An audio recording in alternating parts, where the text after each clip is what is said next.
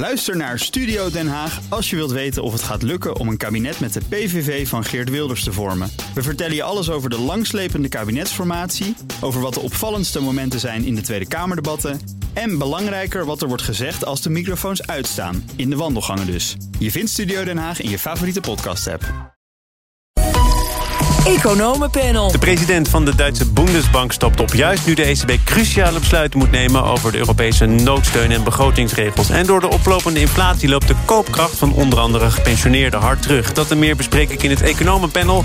En daarin zitten Bert Colijn, senior-econoom bij ING... en Roelof Salomons, hoogleraar beleggingstheorie... en vermogensbeheer aan de Rijksuniversiteit Groningen... en ook CIO van de Blue Sky Group. Welkom, fijn dat jullie er zijn. Goedemiddag. Dankjewel, goedemiddag. Laten we beginnen bij het vertrek van de president van de Duitse Bundesbank... Jens Weidmann legt zijn functie eind dit jaar neer... terwijl zijn termijn nog langer doorloopt. Ik heb van jullie beiden begrepen dat jullie graag de diepte in willen... om dit vertrek te duiden. Want Jens Weidmann, Roelof, is een havik. Iemand die hamert op een strikte begrotingsdiscipline. Dus als hij vertrekt, dan heeft dat gevolgen?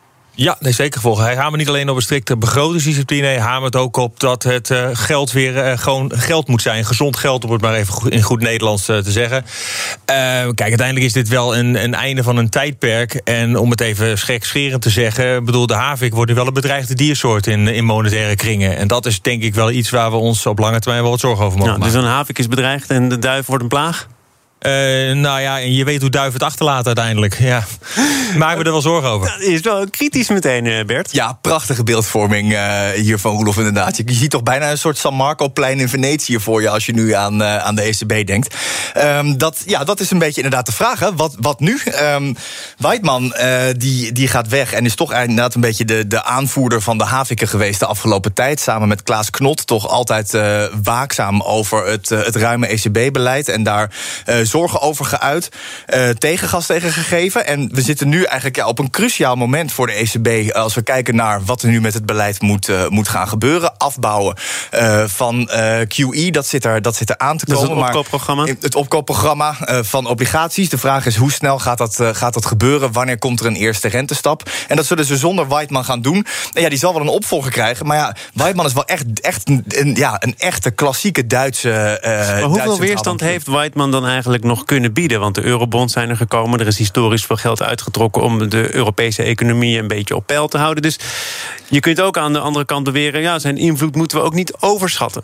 Nou, kijk, die, de eurobonds is natuurlijk eerder een politieke aangelegenheid geweest. Uh, wat in Brussel besloten is dan in Frankfurt. Uh, goed, maar, maar je kan Merkel, Jens Weidman, dat zou toch een tandem moeten zijn? Dat, nou, de, de, wel, wel onafhankelijk uh, natuurlijk gelukkig nog. Dus ik weet niet of we dat per se in Weidmans schoenen moeten schuiven. Maar ik denk wel dat je kan zeggen dat we de afgelopen tijd inderdaad gezien hebben... dat er heel erg ruim beleid gevoerd is... waar de haviken inderdaad niet succesvol geweest zijn... om dat heel erg, heel erg in te perken. De vraag is natuurlijk altijd, wat was er geweest gebeurd als ze er niet geweest waren? Hoe erg, uh, hoe, hoe ruim was het beleid Alles allemaal zo niet mooi met de economie, hè? dat weten we dus niet. Precies, dat weten we niet. Dat weten we niet, nee. Nee, maar wat we wel denk ik wel weten... is dat als, dit, als Weidman en Knotten niet gezeten hadden... dan was het hek nog eerder van de dam geweest... en de geest nog meer uit de fles. Dus ik denk wel dat ze zeker wel een beperkende, beperkende factor zijn geweest... een beperkende rol hebben gespeeld in nog ruimer.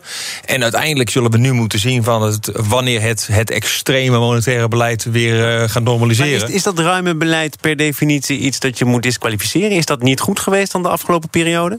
Nou, ik denk in de eerste instantie was het denk ik goed. Uiteindelijk was het op het moment dat, dat, uh, dat de financiële crisis was... en toen Europa bijna uit elkaar begon te vallen... was het denk ik heel goed om toen in te grijpen. Daar was Weidman toen ook tegen. Maar goed, uiteindelijk is denk ik dat, dat is deels goed geweest. Maar daarna is het, pakket op pakket op pakket geweest. En op een gegeven moment mag je je dan wel gaan afvragen... of, oh ja, of je dan het paard niet achter het wagen aan het spannen bent. Uh, of je dan niet te veel nadruk legt op die deflatoren druk... terwijl je door rentes heel laag te houden kan je ook best wel argumenteren dat een aantal bedrijven en een aantal sectoren in leven blijft en een aantal bubbels wordt opgeblazen ja. die uiteindelijk als ze leeglopen ook weer deflator zijn. Ja, ja ik, ik, ik, la, ik, las een commentaar in Die Welt en uh, daarin wordt gezegd het vertrek van Weidman is een ramp voor spaarders en bedrijven. Ja, nou werd dat Kunnen we ook- hier de paniek een beetje sussen of eh, is dat een eh, juiste constatering? Jawel, want eh, volgens mij was het, eh eh was het Wirtschaftswoche... wat na het vertrek van Axel Weber, wat de voorganger van Weidman was... zei dat nu de hyperinflatie zou komen. Nou, we hebben eh, eigenlijk de inflatie alleen maar zien dalen eh, sindsdien. Alhoewel Wirtschaftswoche zelf wel heel veel duurder geworden is. Dus die hebben dan zelf wel daad bij het woord ge- gevoegd destijds. Ehm, dus de vraag is gewoon heel erg, ja, wie volgt Weidman op? Krijgen we weer een, eh, een hele eh, Duitse, echte klassieke havik... uit de lees van de Bundesbank of niet? En het lijkt er wel op dat de kandidaten die opgeleid worden... dat die een beetje minder, eh, minder Duits zijn dan, eh dan Weidman zelf. Het, ja, Weidman is misschien toch een beetje de Lothar Matthäus van het, eh, van het Centraal Bankier. En het is lastig om nog zo'n Duitse man te vinden... die klaar staat om, om in dezelfde traditie te blijven. Centrale bankbenoemingen zijn uiteindelijk politieke benoemingen. En je ziet uiteindelijk ook dat in Duitsland de geest ook een beetje aan het. de, de geesten rijp gemaakt worden voor toch laten we wat meer geld uitgeven. Laten we onder het mom van energietransitie tekorten wat verder oplopen.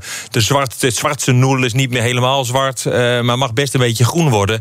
Ja, en, en dat zie je wel gebeuren. Dus de kans dat er een politieke benoeming is die iets linkser is dan de, dan de, dan, dan de Havik was. Ja, ook omdat de nieuwe bondskanselier waarschijnlijk wat SPD, linkser is. ja. Ja. Overigens ook minister van Financiën geweest, toch?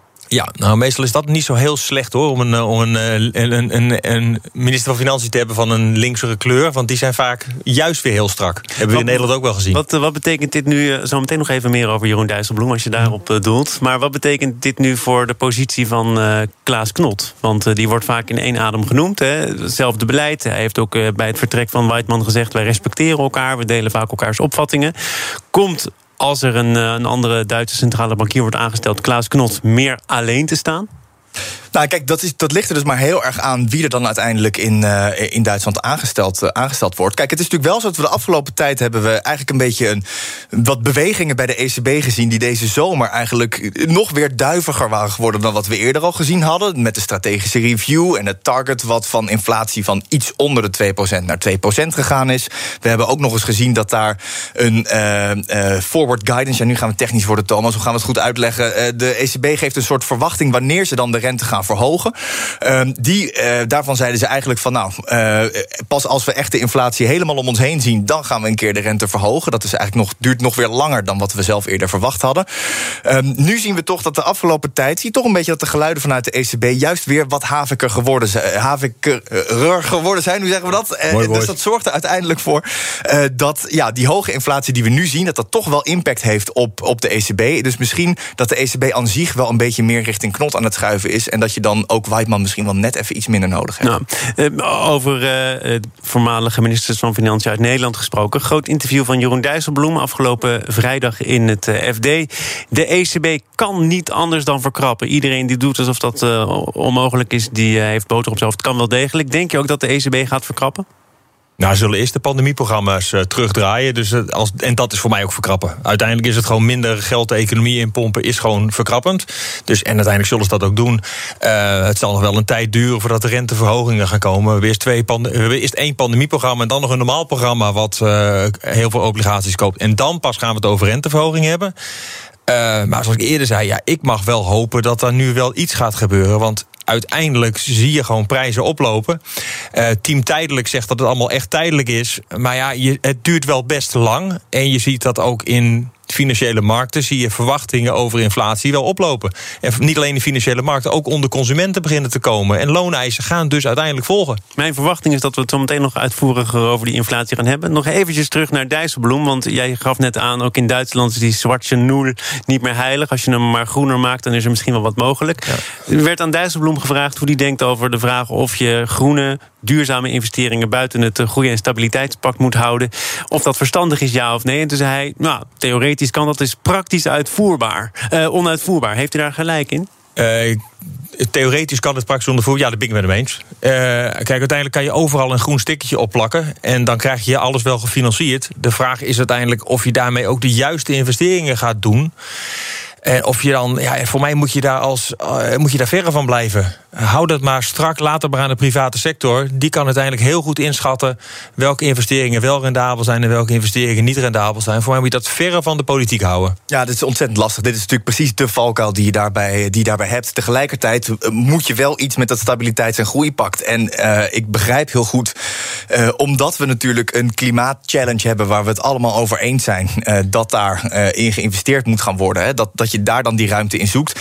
maar de praktische uitvoerbaarheid is inderdaad gewoon ontzettend moeilijk. En het, ja, je, je, je zou ook moeten kijken wat voor voorstellen er komen om het stabiliteits- en groeipact te, te ja. verbeteren. Um, ja, het lijkt me moeilijk om te zien hoe zo'n factor echt werkt. Ja, de grootste zorg is dan wie gaat erover beslissen wanneer iets groen is.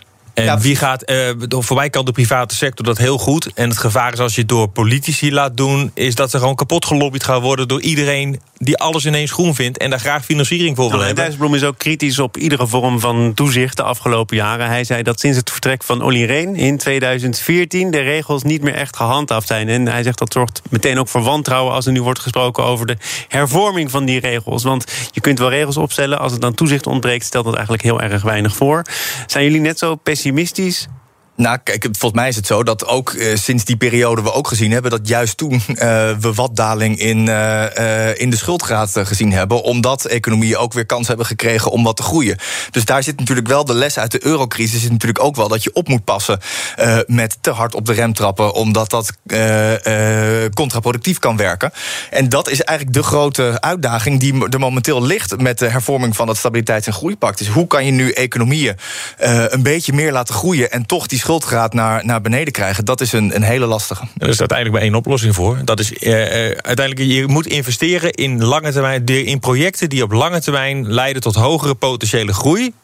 Dat is één. Dat andere twee manieren om die. Uh, dan weet je dat het of hogere belastingen wordt of hogere inflatie. Ja, maar je ziet nu bijvoorbeeld bij het fonds dat uh, ook uh, onder leiding van Jeroen Dijsselbloem geld mag investeren in Nederland. Hè, het Wopke Wiebesfonds. Dat er ook al heel veel discussie is over investeren we dat geld dan in de economie van morgen, in de duurzame groei. Of proberen we eigenlijk op onze huidige manier groei te blijven financieren? En gaat het op aan projecten die eigenlijk ook zonder dat fonds misschien wel aan geld waren gekomen? En de vraag is dan waarom die projecten zonder dat fonds niet aan geld komen. En of het dan als, als belastingbetaler, want dan verplaats ik me even in mijn rol als belastingbetaler, of ik dan als belastingbetaler die projecten moet gaan financieren.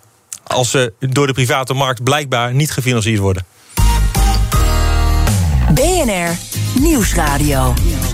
Zaken doen. Thomas van Zeil.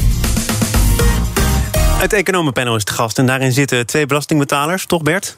Jazeker. Ook belastingbetaler. Bert Colijn, senior-econoom bij ING... en Rolof Salomons, hoogleraar beleggingstheorie... en vermogensbeheer aan de Rijksuniversiteit Groningen... CIO van de Blue Sky Group. En laten we het eventjes wat uitvoeriger hebben over inflatie. Team tijdelijk, team structureel. Dat zijn eigenlijk de vragen die al een tijdje uh, voor liggen.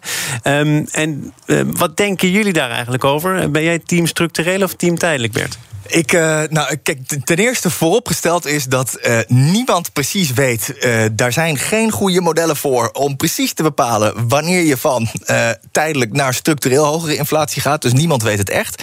Als ik alles bij elkaar op zou moeten tellen, zou ik zeggen dat ik toch denk dat het vooral tijdelijk is. En hoe kom je tot dat besluit of die keuze? Want inderdaad, Klaus Knot heeft het ook al eerder gezegd. Er zijn meer dingen die we niet weten over inflatie dan we wel weten. Ja, dat klopt. Maar, dus, maar hè, als je dan kijkt van nou, wat voor factoren zien we dan nu uh, die hier echt impact hebben op hoe uh, lange termijn dit gaat worden, nou, dan moet je kijken naar structurelere issues die op langere termijn impact op inflatie hebben, zoals hogere lonen. Als je structureel hogere lonen krijgt, hè, dan kunnen ook die, die prijzen kunnen structureel verder groeien. Um, factoren zoals globalisering worden vaak genoemd. Hè, dat we nu door alle containerproblemen die we zien, dat we daardoor meer dicht bij huis gaan produceren, wat inflatie op zou kunnen, zou kunnen wekken. Nou, volgens mij zijn als we die factoren even kort bespreken, want we kunnen hier volgens mij kunnen we hier uh, een hele zomergastenaflevering aan, uh, aan wijden met elkaar. Uh, maar de arbeidsmarkt, je ziet krapte, maar op zich is het zo dat dat vooralsnog in ieder geval toch ehm, veel, ook wat het korte termijn mismatches zijn. En de loongroei blijft echt nog vrij, vrij mager als we dat in Europa bekijken. in de VS is dat een ander verhaal. deglobalisering, daar is het toch een beetje mee dat je heel veel bedrijven erover hoort praten, maar dat het toch verdomde moeilijk blijkt om dat op op korte termijn echt te realiseren. En dat er vooral eigenlijk toch nog steeds veel in, in, ja, op, op lage lonenplekken geproduceerd blijft worden. Dus die factoren lijken volgens nog niet echt op korte termijn impact te hebben. Ja, dan zou je een jaar hoge inflatie kunnen hebben door alle ehm, disruptie die we zien. maar lijkt het er toch op dat je dan daarna weer toch wat onder de 2% zou kunnen zakken. Dat zijn volgens mij ook de verwachtingen van de ECB. Althans, wat naar buiten wordt gebracht. Mhm. Over de loonontwikkeling eh, meen ik me te herinneren dat de werkgeversorganisatie AWVN wel ziet nu dat die lonen langzamerhand, ook als je kijkt naar de CO's die worden afgesloten, wat de hoogte ingaan. Ja. Uh, FNV komt met een uh, nieuwe looneis. Volgens mij een automatische prijscompensatie in 100 euro voor iedereen, onafhankelijk van welke baan je hebt per maand erbij. Dat zou neerkomen op zo'n 7% voor volgend jaar. Dat zijn toch serieuze eisen? Ja, nee, ik, uiteindelijk, eh, het is voor mij heel, geen verrassing trouwens dat Bert in team tijdelijk zit. Wij hebben een paar maanden geleden zaten wij in een debat en toen zat ik in team van, nou, ik weet niet of het zo tijdelijk is. Dus ik zal die kant ook blijven houden nu. Kijk, die, die loonkant die zie je wel, die zie je wel oplopen. En uiteindelijk bij bedrijven die, waarbij de bedrijven ook in staat zijn om de prijzen te verhogen. En dat zie je nu de laatste tijd wel steeds meer gebeuren. Bedrijven als Unilever vorige week, die gewoon de prijzen gaat verhogen. En die ook verwacht dat volgend jaar pas de piek ergens is. Ja, die kunnen ook hun lonen gaan verhogen. Dus die looneisen die komen. Bedrijven met pricing power kunnen ook die lonen looneisen inwilligen zonder dat het ten koste gaat van de marge. Bedrijven die dat niet hebben, die krijgen margedruk. Hoe die hele balans precies uit gaat werken, dat is denk ik dat, dat zullen, we, zullen we zien. Um, globalisering ben ik het mee eens. Technologische ontwikkeling ben ik het mee eens. Dat houdt een druk op die, op die inflatie. Uh, maar wat je wel anders hebt, dat is het onderwerp wat we net over hadden. Uh, de begrotingsremmen zijn redelijk los. Uh, de monetaire geest is een beetje uit de fles. Dat is wel anders dan dat we de afgelopen drie, vier decennia gehad hebben. De inflatieverwachtingen zijn door drie, vier decennia lage inflatie... zijn die wel redelijk verankerd. Maar ja, uiteindelijk krijg je, het begint wel een beetje post te vatten... dat verwachte inflatie langzaam begint op te lopen. En als dat doorgerekend gaat worden, ja, dan, dan, dan begin je, je er wel. ingrijpen, hoor. Ik zie dat jij ook nog steeds in hetzelfde kamp zit, dus kom maar op. Nee, kijk, maar dit, dit, is, dit, kijk, dit, dit zijn natuurlijk hele belangrijke factoren... die hier genoemd worden, hè. Dat, uh, absoluut. En dan is volgens mij is daar inderdaad is het, is het punt daarbij van... ja, goed, um, het, uh, uh, het zou... in, het is natuurlijk inderdaad zo dat, dat die inflatieverwachtingen... wat aan het stijgen zijn. Ehm, maar... Wat? Uh, ja, nou goed, het ligt er een beetje aan waar je, waar je naar kijkt. Maar we zijn in principe zijn we in eurozone vijfjaars inflatieverwachting op de markt zijn hetzelfde als wat die uh, een paar jaar geleden waren. Mm -hmm. um, en als we naar bijvoorbeeld uh, loongroei kijken, dan is het zo dat daarbij ik absoluut ook verwacht dat lonen verder zullen gaan stijgen dan wat we de afgelopen tijd gezien hebben. Maar het is heel mager geweest tijdens corona. En de vraag is van ja, hoe ver boven het pre-corona niveau corona wat magerder was, dat is toch vrij logisch te ja, verklaren. Want niemand die een risico durft te nemen. Exact, dus dat, is, dus dat is heel logisch. Dus de vraag is van ja goed, je bent daar nog steeds van aan het herstellen. Um, en laatste punt denk ik, en want we gaan even het, het, rijtje af wat Roelof net benoemd heeft. Uh, begrotingssteun, ja goed, we zien wel dat van de hele sterke steun die we in 2020 en 2021 gezien hebben. We hebben net de begrotingen voor de Europese landen zijn bij de Europese Commissie ingediend. Als je kijkt naar hoe erg, uh, naar wat voor steun dat, dat nog geeft, fiscal stance, dus veel waar in de Europese Commissie naar gekeken wordt, die is uh, verkrappender dan wat we in 2011 gezien hebben voor volgend jaar. Dus er wordt echt al flink veel uh, van de steun van de afgelopen tijd uh, wordt ingetrokken. Logisch ook, dat was natuurlijk ook hè, exceptionele steun. Maar of dat nog echt aan zo'n uh, broeierige economie bij gaat dragen volgend jaar, dat, dat, dat waag ik te betwijfelen. Dan gooi, ik, nog even, dan gooi ik er nog even één in. De energiearmoede. we zien natuurlijk wel dat, dat grondstofprijzen oplopen, we zien gasprijzen oplopen, we zien olieprijzen oplopen. En je ziet ook de roep die er dus is richting, in Nederland richting Den Haag... om dat daar te gaan compenseren. Nou, Wat is ook, ook deels gecompenseerd wordt. Ja. En ook voor mensen die het eigenlijk helemaal niet nodig hebben. Precies. En ook dat zie je dus onder het motto van... we hadden net over groene labels overal opplakken. Onder het motto uh, de kosten lopen op... zie je wel dat er gekeken wordt. En tekorten wellicht ook weer tijdelijk bijzondere omstandigheden wel de regels weer iets worden opgerekt. En dan begin ik dan. Ik zeg ook niet dat nu het punt is dat ik meteen denk dat inflatie de spuigaten uit gaat lopen. Maar het is wel anders dan de afgelopen drie, vier decennia. Nou, kijk, Noodzakelijke voorwaarden voor hoge inflatie zijn er nu zo langzamerhand. Ze beginnen ermee te komen. En ik denk dat we nog niet op het punt zijn dat we dat nu direct zullen gaan zien in, laten we zeggen, 2023. Eh, denk ik dat we hierop terugkijken en denken: ja, dat was toch wat, die heropeningsfase na corona. Het was spannend. Maar ik denk wel dat we in de komende tien jaar. Uh, verwacht ik absoluut niet dat, dat die inflatie en die rente permanent laag zullen blijven. Maar wanneer gaan, wanneer gaan centrale banken dan ook echt ander beleid voorstellen? Want daar is het wachten natuurlijk dan ook op. Ja, precies. Nou, kijk, ik denk dat je daarvoor heb je natuurlijk wel, als je het echt hebt over een structureel andere centraal, centraal bankbeleid dan wat we de laatste tijd gezien hebben, zal je denk ik echt te maken moeten hebben met hogere trendgroei en hogere uh, Meer structurele inflatie. Nou, maar ik denk uh, die, die haviken uiteindelijk, hè, wat Knot bij WNL zei laatst, is natuurlijk wel waar. Er is uiteindelijk is het ook wel weer redelijk beperkt wat centrale banken kunnen doen. We hebben de afgelopen vier, wat is het, vier decennia hebben we een dalende trend in de rente gezien van uh, boven de 10% in de jaren 80 uh, naar negatief nu. Uh, en het opkoopbeleid is maar in 2015 ja, begonnen. Ja, ja. Dus ik denk, niet dat, ik denk dat het vooral gaat van kunnen we die groei op langere termijn aanzwengelen. En daarvoor zullen we echt betere investeringen in, in lange termijn productiviteit moeten zien, wat Roelof al zei. Nou, tot slot hier, hierover dan, Roelof. Want jullie hebben nu eigenhandig uh, ons pensioenonderwerp gekeeld. Dus je mag nog een minuut iets zeggen op uh, reactie. Nou, ik wil hier over het pensioenonderwerp dan wel even. Kijk, als je nou even. Die kan hem heel makkelijk aan pensioen koppelen. Ja. Uh, uiteindelijk. Kan je het ook heel makkelijk in anderhalve minuut? Oh, zeker. Uiteindelijk hebben bij de grotere pensioenfondsen hebben mensen nu uiteindelijk 20% aan inflatiecompensatie gemist de afgelopen jaar. Als wij ons hier echt zorgen maken over dat we de bodem in inflatie gezien hebben en dat die langzaam op gaat lopen, dan is dit wel denk ik een thema waar je nog meer op moet gaan letten dan welke rekenrente dan ook mag zijn. Ja, toch nog even, want we zouden het over die pensioenen hebben, omdat duidelijk is geworden dat pensioenfondsen niet gaan korten. Althans, dat verwachten ze niet. Als die, maar, dat ook zeker niet gaan, maar toch ook zeker niet gaan indexeren. Nee, korten is directe pijn, indexatie uitstellen is indirecte pijn. Maar uiteindelijk raakt het je beide in je koopkracht. Bert? Nu blijkt dat we gewoon tijd over hebben. Nou, nu Rudolf het inderdaad zo makkelijk binnen de anderhalve minuut kan... Nou, kan ik alleen maar zeggen dat, dat, dat die fundamenten... dat ik het daar absoluut mee eens ben. En dat inderdaad dat een heel belangrijk thema is uh, wat, wat gaat spelen. Nou. Ja. Bert Colijn, senior-econoom bij ING... en Roelof Salomons, hoogleraar beleggingstheorie... en vermogensbeheer aan de Rijksuniversiteit Groningen... ook CIO van de Blue Sky Group. Dank voor jullie bijdrage aan dit economenpanel. Zometeen dan gaat het over discriminatie op de werkvloer... ook in de wereld van de marketing en de communicatie. En ik stel je voor aan mijn nieuwe zakenpartner. Tot zo. Ook Harm Edens vind je in de BNR-app. Je kunt BNR Duurzaam niet alleen live luisteren in de app, maar ook terugluisteren als podcast, zoals al onze podcasts. En naast dat de BNR-app Breaking News meldt, houden we je ook op de hoogte van het laatste zakelijke nieuws. Download nu de gratis BNR-app en blijf scherp.